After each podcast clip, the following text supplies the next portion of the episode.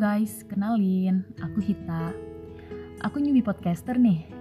Tapi aku harap ke depannya aku bisa istiqomah membuat podcast-podcast selanjutnya dan bisa memberikan manfaat buat kalian semua yang dengerin. Jadi di podcast pertamaku ini, aku ingin bercerita tentang mimpiku bersama Telkom 15 tahun ke depan. Ya, kini aku menjadi bagian dari Telkom Indonesia.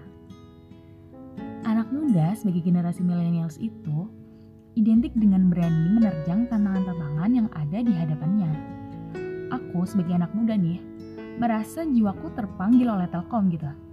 Untuk ikut menjadi bagian dari BUMN dalam menghadapi tantangan-tantangan ke depan. Ya, tentunya untuk memberikan kontribusi nyata untuk Indonesia. Cukup klise ya kedengarannya.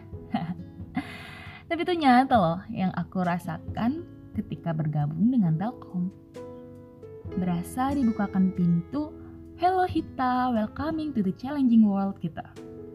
Tantangannya itu kita harus menjalani karir nih di bidang telco, namun juga harus bisa bertransformasi ke digital. Gimana tuh caranya? Nah itu dia akan terjawab di mimpiku bersama Telkom 15 tahun ke depan. Sekarang aku menjadi bagian dari divisi Business Service, di mana divisi ini banyak sasaran customernya, yaitu sektor UMKM. Banyak juga kompetitornya, dan tentunya banyak juga distractionnya. Tapi aku justru tertrigger loh dengan hal-hal dinamis seperti ini.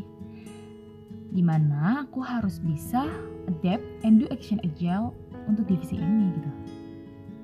Kita tahu bahwa UMKM di Indonesia itu sangatlah banyak dan baru 16% gitu yang go digital aku sadar di luar sana banyak company juga yang sudah berlomba-lomba dalam digitalisasi UMKM.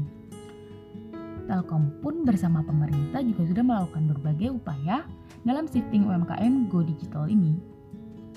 Namun, kita sebagai anak muda tidak akan pernah habis idenya untuk terus menciptakan gebrakan-gebrakan baru dalam mendigitalisasi UMKM. Digitalisasi UMKM itu bertujuan tidak hanya mengakses pasar online, namun juga mendorong bisnis proses UMKM yang lebih efisien.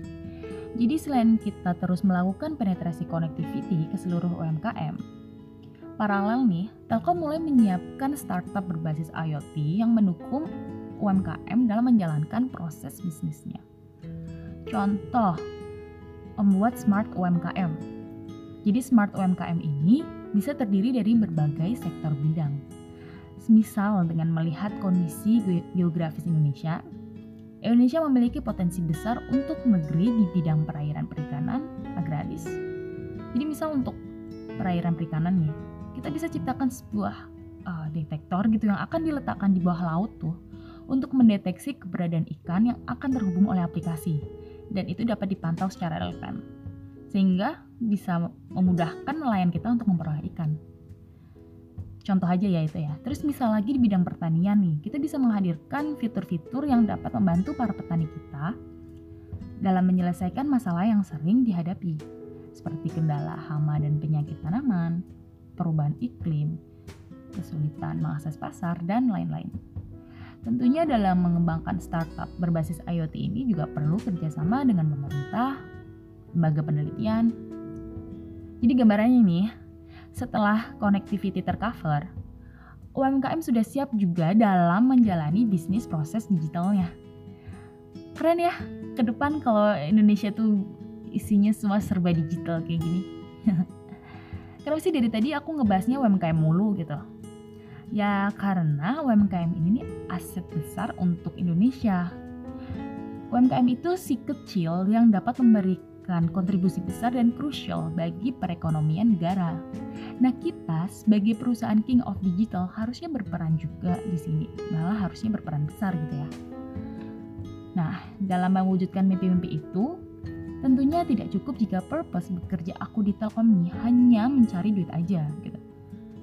Tapi dari dari dalam diri aku juga harus didukung dengan semangat mengaktualisasi diri melalui program-program self development, join project-project innovation, menjadi digital talent, dan lain-lain.